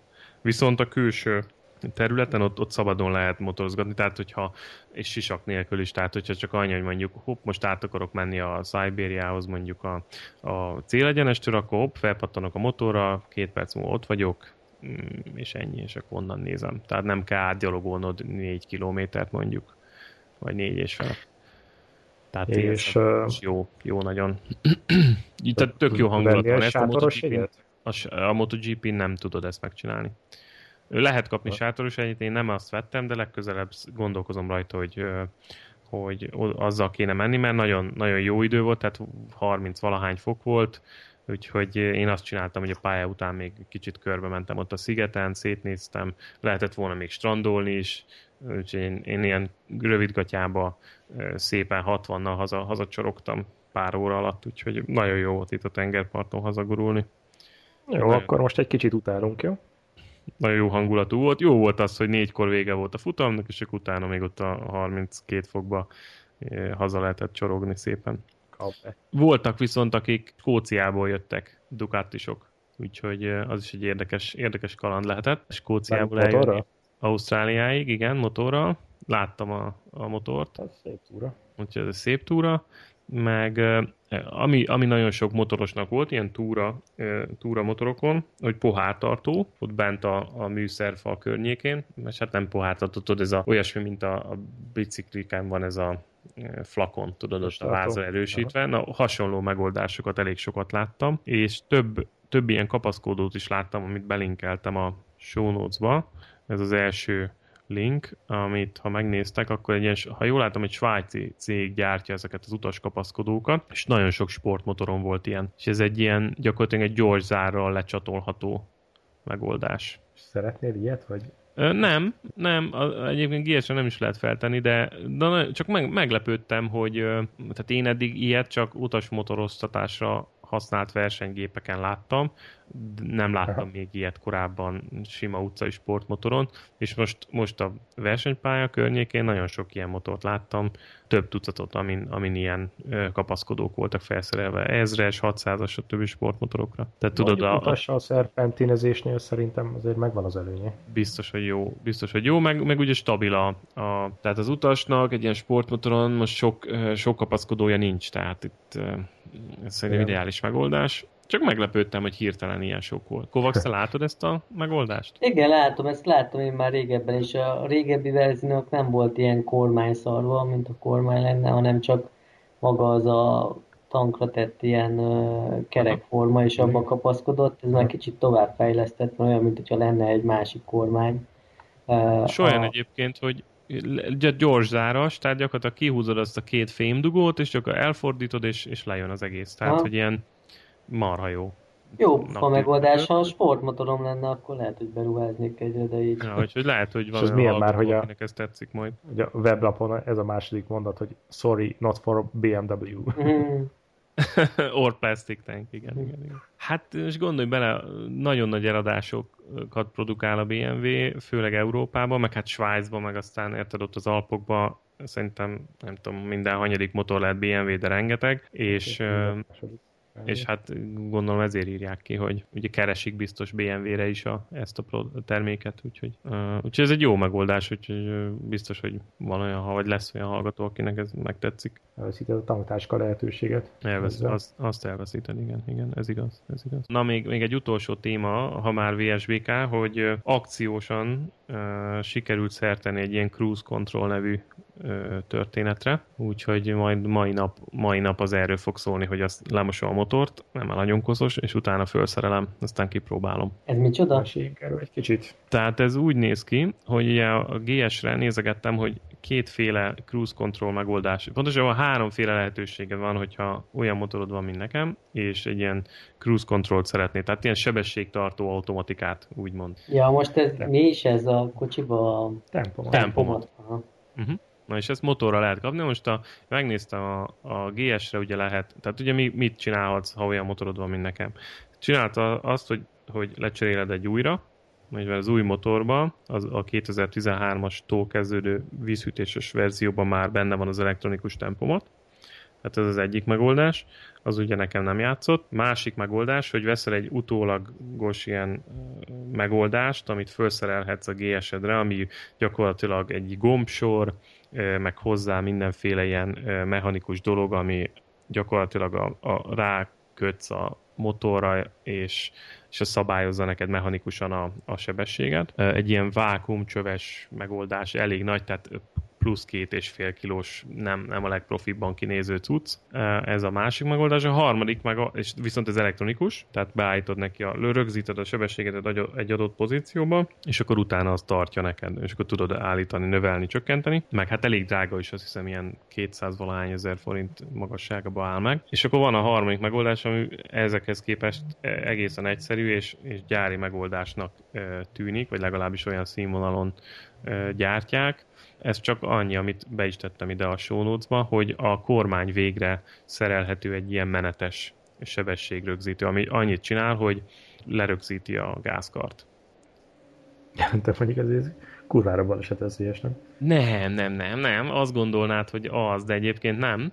Tehát úgy működik, hogy egy picit megszorítja gázkart, de csak annyira, hogy a rugónak az erejét kompenzálja. De te ugyanúgy tudod állítani a gázkart rajta. Tehát nem fixálja a gázkart, hanem csak nem, persze, nem fixálja, nehezebben, nem, jár, nem. nehezebben járóvá teszi. Aha, aha. És, hát, és ha, meg, nem tudom, ha megnézitek, a, megnézitek a videóban, a, azt hiszem 2, 1 perc, 30 másodpercnél, bemutatja, hogy, hogy hogy működik, de gyakorlatilag, hogy ha simán húzod a gázkart, akkor jár a gázkar, viszont hogyha azzal együtt húzod, akkor nem megy vissza. És utána attól függetlenül még ráfog a srác, a tesztelő a markolatra, és ugyanúgy működik. Nem tudom, hogy látod-e, hogy miről beszélek. És ez miért kell neked? Ö, értem, csak szerintem azért az nem véletlen, hogy, hogy motorokra nincsen gyári opció ö, tempomatra. Azért ez szerintem elég... Manuális, manuális. Mert, mert például a 2013-as GS-ben van elektronikus, tehát benne van gyárilag az elektronikus tempomat, csak nem manuális, elektronikus. Ja. Tehát van, van tempomat, és ugyanúgy, ugyanúgy működik, mint egy autóban. Ez a, ez a Kauko nevű gyártó, aki egy dél-afrikai gyártó, gyakorlatilag ez a, ez a standard ezekben a kormány végre szerelhető mm, markolat, vagy milyen tehát ilyen cruise control megoldásokban. Nagyon sok jót írnak róla. Annyiból jó, amit én is tapasztaltam, amikor voltunk ezen a nagy több ezer kilométeres nyári túrán, hogy gyakorlatilag a bal kezed szabadon meg tudod tornáztatni minden, de a, a jobb kezed érte több órányi motorozás után, meg az egész oldalad, meg minden, az, az, az be tud állni. És ö, nem lenne baj, ha mondjuk tudnád csinálni pár karkörzést, vagy érted egy kicsit átmozgatni magad, miközben a nagy üres ö, úton mész ugyanúgy változatlanul, tehát nem kell csak... Igen, igen, tehát mondjuk ilyen Ausztrália méretű országban vagy ott a sok autópályán mész ott el tudom képzelni, hogy hasznos lehet, mert én, én, én, én valószínűleg nem szerelnék ilyet a motoromra. Aha, aha. Hát igen, én is, én is úgy vagyok vele, hogy most kipróbálom, mert nagyon jókat olvastam róla, még nincs fönn a motoron, majd most délután rárakom, és ha beválik, beválik, akkor megtartom, ha nem, akkor el, el nekem, nekem egy ennél manuálisabb tempomaton van, biztos ismered ezt a Throttle Rocker nevű cuccot. Igen, de az nem, tehát az nem tempomat, hanem az csak segíti a nem, hát, nem? Igen, tehát az a lényeg, hogy nem kell ellentartanod a, a rugónak a gázkarban, hanem a, a kezednek, a, tehát a csuklóddal végül is rá tudsz támaszkodni, és azzal tartod a gázkart, nem kell annyira ellene Hát igen, igen, de ugyanúgy robotot. előre kell nyújtanod a kezed, és ha mondjuk egy kicsit lelógatnád, vagy átmozgatnád, akkor ugye a motor egyből elkezd lassulni. Ugye ez a... Tehát én itt, amikor mindig autópályán megyek, akkor úgy, úgy rá, tehát úgy jó lenne, jó lenne a cruise control. Ami Mennyit szoktál menni autópályán? Hát tehát minél kevesebbet. A... Hát én próbálok minél kevesebbet menni, de például múltkor is voltunk egy ilyen, elmentünk egy ilyen hétvégére, egy 500 kilométerre arrébb levő településre, volt egy, volt egy ilyen kis, kisebb túra, és ahogy jöttünk haza onnan, kicsit kifutottunk az időből, és akkor mondjuk ilyen 300-400 kilométert pályán jöttünk, és akkor az most tudod, azért az el tud fárasztani, hogyha az egyik kezedet folyamatosan feszíteni kell négy órán keresztül. Nem kell feszíteni, lazán kell motorozni. Lazán kell, tudom, lazán kell motorozni. Na mindegy, és erről jutott eszembe, hogy majd nem tudom, 20-30-50 év múlva, x év múlva az unokák majd röhögni fognak, hogy Faterna, nagyfaternak még itt van, a, itt van az öreg GS-sel, 100 ezer éves GS, és még nézzétek, csak manuális cruise control van rajta. Ugye addigra már biztos, hogy minden motoron elektronikus tempomat lesz. És csak ez volt a, ez volt a felismerés. Visszaérünk a sok elektronikához. Pontosan, pontosan, hogy, hogy gyakorlatilag ez a, ez a megoldás, ez ugye egy manuális megoldás, de már egy évvel később ott van, hogy a, már egy évvel később gyártott modellben már elektronikus, és, és ugyanígy kerülnek bele az összes, összes újdonság, a traction controltól kezdve a csúszásgátló, egykerekezésgátló, ilyen ABS, olyan ABS-en át. Tehát nagyon gyorsan megy a fejlődés igazából, és tényleg az lesz, hogy a végén olyan lesz, még a versenymotorra is azt írták nemrég, ha jól emlékszem, hogy, hogy olyan, mint egy robogó, tehát gyakorlatilag húzod a gázt, ő megcsinál mindent helyetted, és akkor a két karon, meg ugye a két oldalon lesz egy fékkar, egy első fék, hátsó fék, és ennyi lesz a motoron gyakorlatilag a versenymotorokon is. Úgyhogy ez volt valakinek a víziója egy, egy újságcikkben. Lehet, hogy nem vagyunk tőle nagyon messze. Ezt a sok hát szerintem közelebb vagyunk, mint gondolják. Ezt a sok beállítási lehetőséget, amit az elektronika ad, mert ugye nem az van, hogy belőnek egy, egy csomagot egy átlag motorosra, hanem állíthatod jobbra-balra, 8 fokozat traction control, nem tudom én hány fokozat ABS, kikapcsolható, nem kikapcsolható, hogy szerintetek ezt megtanulja egy mennyi idő megtanulni egy ilyet? Hozzá lehet szokni? És egyáltalán kihasználod, ami rajta van a motoron? Nem tudom elképzelni, hogy megyek, jön az osztrák szerpent, és akkor elkezdek agyalni, hogy na most akkor hármasra tegyem a traction, controlt, vagy hatosra, vagy most akkor melyik De ez csak, a, ez csak a profi sportmotorokra igaz. Tehát az ilyen általános célú utcai motoroknál van mondjuk három engine maped, aztán... Ja, az üzem, inkább az üzemmódok. Mi a igen, Aha. igen, igen, de az ABS-t ott, meg a traction control nem állítgatod. Aha. Tehát Figyelj. egy ilyen MV Augusta F4 RRN igen, de egy akármilyen a Honda FR 800-on nem, vagy VFR 800-on. GS-en sok ilyen elektronikus cucc van, ami, aminek részben örülök, részben nem. Tehát, hogyha olyan szempontból nézem, hogy mennyi minden romolhat el rajta, majd x év múlva, akkor olyan szempontból nem jó. De olyan szempontból meg gyakorlatilag megszokható, hogy például amik, amik ezen vannak, azok a legtöbb, legtöbbjét én kihasználom. Nem mindig, de kihasználom. Tehát például ugye van rajta, van rajta az, az EZA 2, az elektronikus futóműállítás, az ugye olyan szempontból jó, hogyha mondjuk ketten motorozunk a feleségemmel, akkor ugye beállított két személyre. Vagy hogyha mondjuk átállítom terepmódba, és akkor kicsit fölemeli, és akkor nagyobb lesz a rugó út. Tehát ezek mind ilyen, ilyen reális szenáriók, amikor ugye erre sor kerülhet. Az szintén, amikor mondjuk olyan van, hogy motorozunk és fölérünk a hegyekbe, akkor átrakom sportmódba, és sokkal feszesebb lesz a futómű. Ugye ez, ez mind ilyen, és egy gomnyomással megoldható változás. Az ABS, ami van rajta, ez az integrál ABS, vagy részleges integrál ABS, hogy húzod az első féket, és fékezi a hátsót is, az, az szerintem mm, szerintem jó jön néha ez a kikapcsolható ABS, az, az szintén a, volt már olyan, hogy én bajba kerültem egy kicsit egy olyan terepen, amikor ugye ilyen murvás hegyoldalon mentünk lefelé, és ki kellett volna kapcsolni az ABS-t azon az úton, és én nem kapcsoltam ki, és, és az volt a helyzet, hogy ugye Murván én szerettem volna fékezni, akár elsővel, akár hátsó, és azt éreztem, hogy nem fékezünk, és, a, és ugye próbál a motor kompenzálni, de gyakorlatilag gyorsulunk. Úgyhogy, úgyhogy a kikapcsolható ABS szintén hasznos, hogyha mondjuk ilyen rossz úton, vagy lejtőn mész lefelé, mert akkor mégis rá tudsz fékezni, és akkor satúfékkel azért tudsz, tudsz kicsit kompenzálni. És hát az ilyenek, hogy hőmérsékletmérés, meg megtehető kilométer, tehát amit az a board computer tud, azok meg szintén hasznosak, tehát mutatja, hogy mondjuk mennyi üzemanyagod van még hátra, mennyi az átlagfogyasztásod, mennyit a guminyomás elől-hátul, ezek, ezek mind olyanok, hogy tehát ezek hasznosak, tehát én ezeket kihasználom, tehát hogyha látom, hogy egy kicsit már alacsonyabb, akkor megállok és pumpálok bele. Szóval Jó, de nem is, nem sokan... is erről beszélek, ez, ez még én is azt mondom, hogy hasznos, de és itt nem is az elektronika talán, hanem az, hogy vannak mondjuk a sportmotorok is, és akkor hallod a sztorikat, hogy, hogy kimegyek a, a valamilyen pályanapra, elkezdem tekergetni a futóművet, mert ugye van rajta a 20 kliknyi állítási lehetőség, és akkor én nagyon okos vagyok, majd én megcsinálom, és akkor elcseszem, nem tudom már visszaállítani gyárira, és akkor elveszi az egésznek az örömét. Tehát, hogy kell ennyi állítási lehetőség egy motorra? Tehát, hogy egyáltalán közúton feszegeti valaki annyira egy motornak a határait, hogy ennyi állítási lehetőség legyen? Most érted, egy csomó olyan motor van, amiben nincsenek mappingek, meg, meg különböző sportúra, meg esőfokozatok, aztán mégis működik valahogy.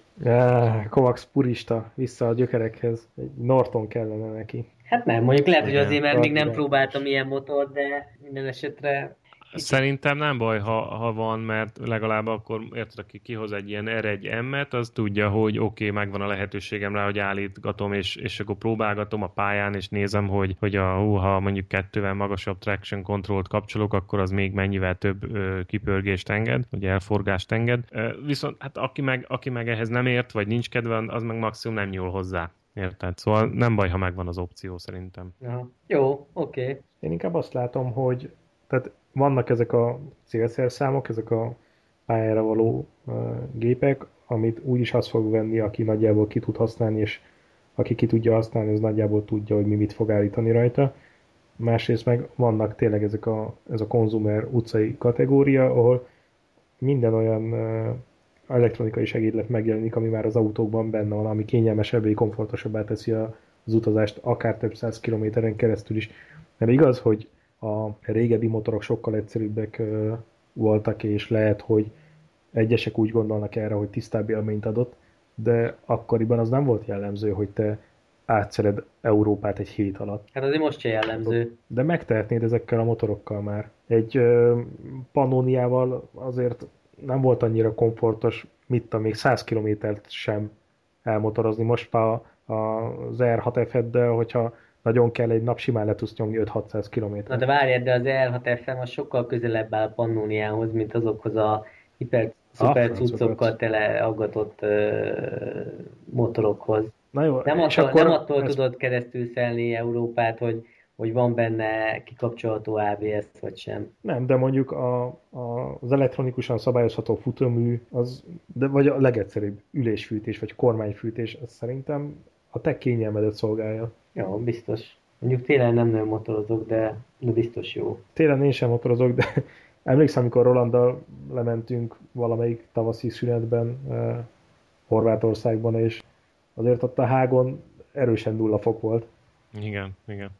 Miközben a tengerparton azért majdnem 20. Jó, nem, nem, nem vagyok így technika ellenes, csak, csak hogy nem túl sok-e már néha az a, az a kérdés. Én, én tudod, hogy mi ö, ellen vagyok inkább. Tehát ezek az elektronikus kütyük, meg ott gombokkal nyomogatható dolgok, ezek ö, futóművileg és egyéb ennyi motor mapping kapcsán, ezek nem zavarnak. Nekem tudod, mi az, ami zavaró? Amikor, amikor ezek a félautomata, meg automata váltókat ilyen nagy köpcentis motorokra rárakják. Nekem az az, ami olyan kicsit úgy olyan, olyan elvesz a motorozás élményéből, vagy elvehet és vagy tudom, amikor már nincsen váltókar mondjuk az FJR-en, meg ezek a, ezek a szituációk, szóval, hogy, hogy ez, ez az irány az, ami nem tetszik, és azt mondjuk, ami az autóknál már régóta megvan, hogy a hangszórókból emulált hang, meg az ilyen hibrid uh, hajtás, meg olyasmi, stb. Remélem, hogy odáig nem fogunk eljutni soha. Én is ezt remélem, hogy odáig, odáig a motorozás nem fog eljutni. Érdekes, amit mondasz, mert engem például ez a félautomata váltók, vagy az, hogy nincs kuplunkkal, meg ilyesmi, az annyira nem zavar. Én vezettem a VFR 1002-t, ezt a dupla kuplungos uh, automata motort, és nem volt jó élmény élmény. Hm. Mert? Mit éreztél? Fura, hogy az, a, az egy dolog, hogy nincs ott a kuplunkar, mert oké, okay, meg nincs ott a, a váltó, mert hogy gombokkal ugye egyébként tudod pakolgatni te is magadnak a sebességfokozatokat, de hogyha automata módban megy, akkor sem abban a fokozatban megy, amiben te szeretnéd. Te már elváltottad volna, vagy nem váltottad volna vagy még hagytad volna pörögni, tehát hogy kicsit... Na olyan... ide kéne az a mapping, nem? Amikor tudnád ezt programozni, hogy... De már abban is vannak mappingek. most hagyja pörögni. De már vannak abban is mappingek, van sportosabb, van túrásabb, nem? Igen, de, de nem látja előtted a forgalmi szituációt, nem látja az úthelyzetet. Nyilván, amikor te vezetsz, akkor el tudod dönteni, hogy oké, okay, ezt most ki fogod pörgetni, itt ezt most nem fogod kipörgetni, de annyira azért még nem okosak, hogy lássák előtted, hogy mi a helyzet hogy lássák helyetted. Hát igen, de egy nagy köpcentis motornál, amiben azért van craft, és mondjuk ha egy nyugodt felhasználót nézünk, nem egy ilyen suhant, aki beáll a középvonalra, aztán hadd szóljon, igazából valószínűleg nem is hiányzik, nem? Hogy lássa. Tehát meg tudja várni azt a plusz egy elsuhanó autót, és akkor teker egy kövéret, még úgy is kilő az a motor. Csak egyre jobban eltávolodsz a, a, a motorozás élményétől. Na de az előbb pont ezt mondtad a technikai kapcsán, hogy nem, hogy át tudod szelni a Európát az új technikával, de hát akkor most még mi volt? De nem, a, a, a, amíg a, a, a komfortoton múlik, hogy nem kell megállnod, mert hogy kibírod egyseggel a 400-500 kilométert, az egy dolog, de az, hogy helyetted vezessen a, a motor, és te addig újságot olvasva, azért ez nem ugyanaz. Hát Én ilyen, ilyen szempontból konzervatív vagyok, tehát ezeket a... Ha valaki olyan célra használja, hogy közlekedjen vele, mint mondjuk, hogy Kovacs, hogy robogózik, meg, meg egy robogókon megjelennek ezek a dolgok, az én, én ezt támogatom, de a nagy tartós ö, hosszabb távú motorozásokon, túramotorozásokon, stb. nem szeretném, hogyha ha ezeket a dolgokat évek múlva kötelezővé tennék. Tehát, hogy mondjuk elhagynák a manuális dolgokat. Nem baj, hogy van, csak maradjon meg a manuális is. Hát biztos nem fogják elhagyni, hogy hát miért hagynák. Én amennyire imádom az automata váltót az autómban, annyira nem tudom elképzelni, hogy motoron automata váltó legyen. Akartok még ilyen elektronikákról beszélgetni? Ha azt mondom, hogy igen, Rövjük akkor folytat... a forma egy. Azt mondom, hogy mert, igen, mert, akkor mert, ha nem, akkor van egy másik, másik jó téma itt a listámban. A 450gp.com nem tudom, ezt láttátok-e? Nem? Nem. Ho, ho, ho, ho, ho. Hát akkor ez itt remélem, hogy kellemes meglepetés lesz. Már gépelem is. Ho. Hello. Semmi másról nem szól. Van otthon egy uh, 451 standard supermoto vagy, vagy offroad négyütemű motorkerékpárod, veszel hozzá egy ilyen kittet, és gyakorlatilag pálya pályakész motort kapsz. Ott van, hogy milyen, tehát a Bikes menüpontban, hogy milyen motorokból milyen pályamotor lesz a kit megvásárlása után. Uh-huh. Ez mennyire vagány? És akkor ez egy hengeres 450-es. Pontosan, és pillekönnyű, tehát 100, nem tudom, 20-30 kg egy ilyen, mondjuk egy Aprilia SXV 450, vagy 550, és ha megnézed a kittet, tehát ugye a The Kit menüpontra, ha kattintasz, akkor ott van, Úr hogy miket kapsz hozzá. Rainbow fékek, minden. Uh-huh. Ez elég fasza. Hát, nem rossz, nem rossz. Itt uh, találkoztam velük a, az Ausztrál motorkiállításon, és hát nagyon nagy érdeklődés övezte a, a dolgot. Azt hiszem spanyolok, ha jól látom, mi más. Igen, és és mennyire árulnak egy ilyen kit? Hát azt hiszem, hogy 4500 euró, vagy valami ilyesmi, de mindjárt megnézem. Ja, igen, itt van 4450 euró. Tehát nem, most annyira nem vészes, hogy ha, ha, ha ez, a, ez, a, ez, a, ez a minden, mindenek felett álló hobbit Tehát össze tudod rá végül is. És csinálnak belőle bajnokságot basszus. Persze, persze, persze. Hol van az? Ugye a championship. Hát ez marha jó. Nagyon jó, nem? Ja, és már átalakítva is ár, árulnak motor, motorokat. Aha. Hát amivel föl van kitelve. Úgyhogy hát ez egy jó dolog. Tehát ugye voltak ezek a, tehát lehetett látni már, nem tudom, az elmúlt 10 évben, 15 évben mindig jött szembe az emberrel egy olyan honlap, hogy valaki otthon mondjuk csinált egy, mondjuk egy Aprilia RS250-es vázába belepakolt egy SXV 450-et, vagy ehhez hasonló projektek. Így mindig voltak, voltak, voltak, és akkor jöttek ezek a hírek, hogy na majd az Aprilia is ki fogja adni a gyári szupermonóját, vagy ki fogja adni a, uh-huh. a, a Ducati, stb. És, és akkor ezekben nem lett semmi. Ezekből a nagy gyári kezdeményezésekből szépen megjöttek a 300-as, 350-es, 500-as motorok, de, de ezek a talán, talán az RC 390 áll ehhez a legközelebb, a KTM motorja, az jutott talán ehhez a koncepcióhoz a legközelebb, de, de vannak ilyen kitek is, tehát csak ezt akartam megmutatni, hogy ez egy tök jó dolog szerintem. Nem tudom, hogy egy ilyen motornak, a, tehát egy ilyen, ilyen szupermotornak mondjuk a karakterisztikája, tehát a motor karakterisztika, meg a váz karakterisztikája, ha ráaggatod ezeket a kiegészítőket, akkor, akkor mennyire lesz megfelelő pályázása, de, de biztos, hogy jó móka. Tehát, biztos. Hát maga a blokk az valószínűleg ugyanúgy iszonyatosan agresszív marad, uh-huh. mert azt nem nagyon változtatják, de Igen. ahogy látom, itt Lánckerék van... változik. Lánckerék változik, első futómű változik, itt a villanyak is azt is adnak hozzá, tehát a futómű geometriát is megváltoztatják. Nem lehet ez annyira rossz. Úgyhogy nektek melyik kéne? Tehát itt van a, a Bikes alatt több verzió. Melyik tetszik a legjobban? Nekem valahogy a, azt hiszem, hogy a, vagy az Aprilia, vagy a KTM. Mármint az eredetiből, vagy az átalakítottba? Az átalakított. Hát csak is a Kawasaki. csak is a Kawasaki? Márka hívagy. Nem csak is, csak is. Hmm. Mindegyik ugyanolyan, nem? Nagyon hasonló. Ja, nem teljesen. Egyébként nagyon hasonló mindegyiknek a felépítése nyilván, mert hogy a, ezek a cross motorok is van. majd, hogy nem tök egyformák. Na, de jó, hogy van a spanyoloknál ilyen kezdeményezés, nem? Jó, igen. Igen, ez fasza. Igen. Érdekes, hogy ez volt az egyik. Ez volt az egyik, amit lennék, akartam hogy Magyarországon van-e ilyen. A másik pedig az, hogy itt a másik link, ez az Earmold, Ausztrália, akik ilyen fülbeöntött, tehát gyakorlatilag te rádöntött ö, füldugókat gyártanak, és ez vagy füldugó, vagy ha kéred, akkor beleteszik a, a hangszórót is. Micsoda, mi ez? Kattints a linkre. Na mit tud ez a izé, füldugó?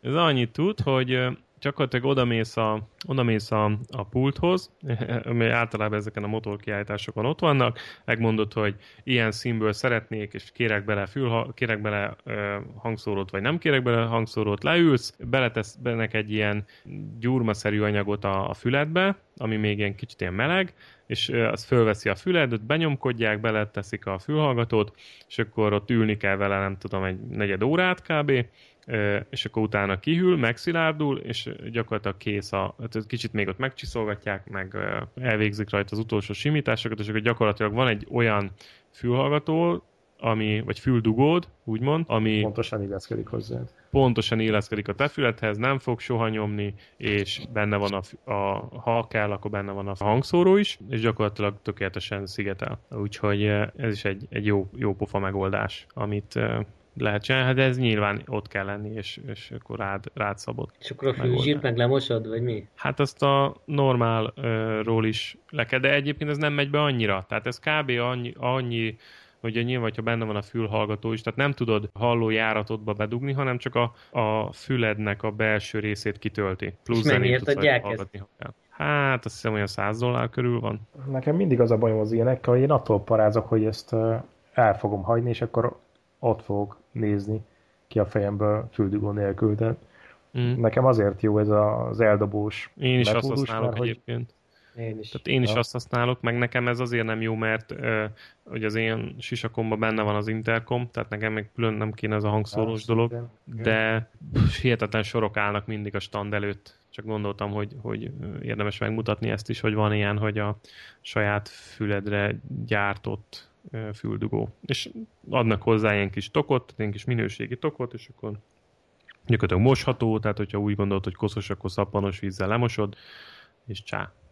hogy ez volt még az ilyen dolog, amit, amit akartam mutatni. Aztán nem tudom, hát lehet, hogy ezeket a másik témákat akkor áttesszük jövő hétre, hogy különböző túraterv a nyárra, illetve egy interkom ki mit használ, stb. Van, van bőven elég, elég hosszú lett így ez az adás, úgy gondolom. Igen, szerintem. A for, Forma 1-et azt cikizzük már még ki. Hát mit kell Oké. cikizni?